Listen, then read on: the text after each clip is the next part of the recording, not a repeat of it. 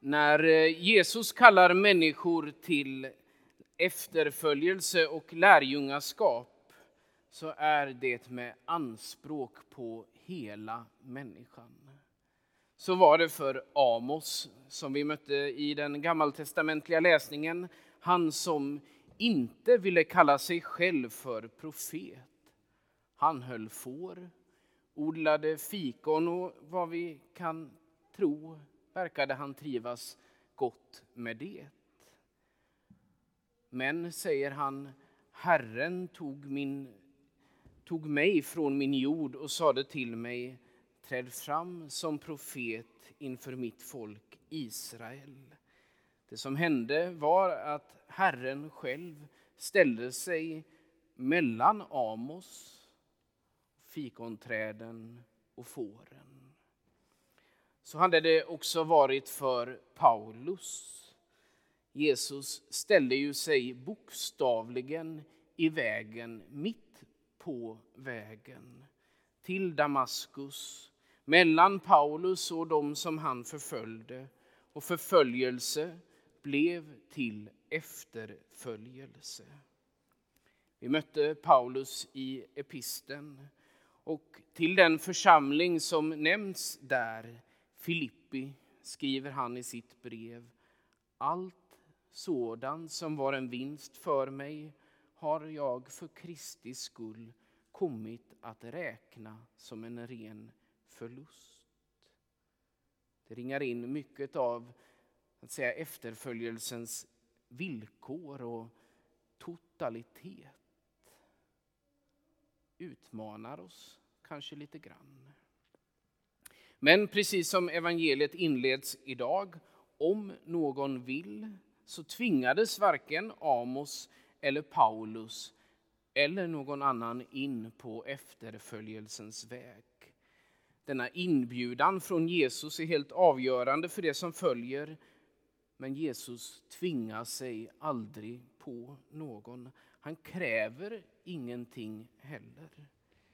Ett lärjungaskap utesluter ingen. Alla är så att säga manade och det är alltid frivilligt. Sen kan nog många vittna om att det aldrig kändes frivilligt när Gud kallade, ställde sig i vägen, men ändå likväl om någon vill. Efter denna inbjudan nämner Jesus tre kriterier som gäller för allt lärjungaskap. Man måste förneka sig själv, ta sitt kors och följa Jesus. Att Jesus skulle liksom sådär försöka mörka något av lärjungaskapets utmaningar är det inte tal om. Tvärtom. Och jag kan tänka, när jag har förberett mig inför idag, alla kommunikatörer, hoppas det inte är för många här som jag trampar tårna på, eller, eller sådär marknadsexperter, skulle liksom sätta händerna för pannan och liksom tänka, men vad, vad säger han Jesus? Så där får han inga efterföljare. Man kan ta sig på pannan, vet ni, och så kan man ta sig åt bröstet och så lite åt axlarna, korsets tecken och så blir det så som Jesus vill, så att säga. Och detta uttryck som kommer här, att förneka sig själv, återigen starkt och totalt begrepp som verkligen understryker radikaliteten i Jesu kallelse. Det är allt eller inget som gäller Gud eller världen. Detta att ta sitt kors kopplar också till den här villigheten, även om korsets konsekvenser av lidande, förnedring och motgång så att säga många gånger läggs på utifrån så är det vi som var och en måste vara beredd att ta sitt kors. Men samtidigt är allt tal om att bära sitt kors tomt och billigt. Ja, I värsta fall fel och helt galet om det inte är kopplat till Jesu eget kors. Att ta sitt kors är förbundet och förenat med hans kors. Det betyder att det är just i gemenskapen med honom som vi finner vårt kors. Det blir begripligt först när vi ser på det i relationen till honom. Vad eller vilket är då mitt kors? kan man fråga sig. Ja, till att börja med ser vars och ens kors olika ut. En enkel regel säger att det inte är något vi själva ska leta upp. Att bära sitt kors handlar inte om att sträva efter svårigheter utan om att se och bära det som finns där. För någon är kanske detta en lättnad. Att inse att man inte behöver leta efter sitt kors. För någon är tanken om att ta det kors som kommer i ens väg en förklaring till varför livet ser ut som det gör, är som det är. För ytterligare någon är det kanske en signal att gå in i det man anat är ens kallelse men hittills dragit sig för. Vidare gäller var dag har nog av sin egen plåga, som Jesus sa vid ett annat tillfälle. Det betyder att vi inte ska spekulera om morgondagens eller framtidens kors, utan leva här och nu.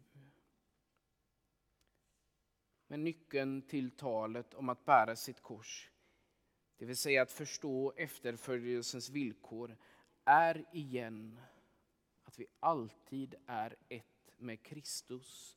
Att han gått före, att en kristens lidande är ett lidande med Jesus. För då sker det i dopets ljus, i uppståndelsens verklighet. Och detta att bli ett med honom. Det sker genom det heliga dopet till vilket lilla Desiree bärs fram idag. Hon blir då delaktig i den kropp, kyrkan som har Kristus som huvud. Allt som Jesus vunnit får hon del av idag. Har vi alla del av. Därför att han bar sitt kors, dog på det och uppstod från det. Alldeles i slutet av dagens evangelium talar så Jesus om sin återkomst. Människosonen, det vill säga Jesus själv, ska komma tillbaka och då ska han löna var och en efter hans gärningar. Detta är ett återkommande tema i Jesu undervisning, men vi har nog alla sådär lite till mans svårt att rygga liksom tillbaka vid talet om lön och gärningar eftersom vi vet att det är tron som gör oss saliga. Och det är inte så att Jesus här kommer in med liksom en liten knorr och kastar omkull allting som han har sagt hittills. Nej, det har att göra med detta lärjungaskapets förutsättningar. Allt eller inget. Vilket gäller Jesus först. Och därför också oss, men alltid i ljuset av hans seger. Gärningarna vi döms utifrån fokuserar på vad vi sökt vinna, Gud eller världen. Och det som sökt Gud och tillhör Jesus. Som Paulus skriver i Romarbrevets åttonde kapitel och första vers. För dem finns det alltså ingen fällande dom.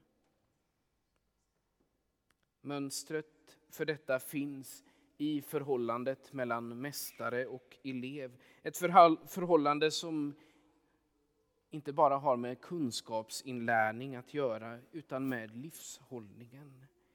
Efterföljelsen ska prägla hela vår person, att i allt bli lik Jesus.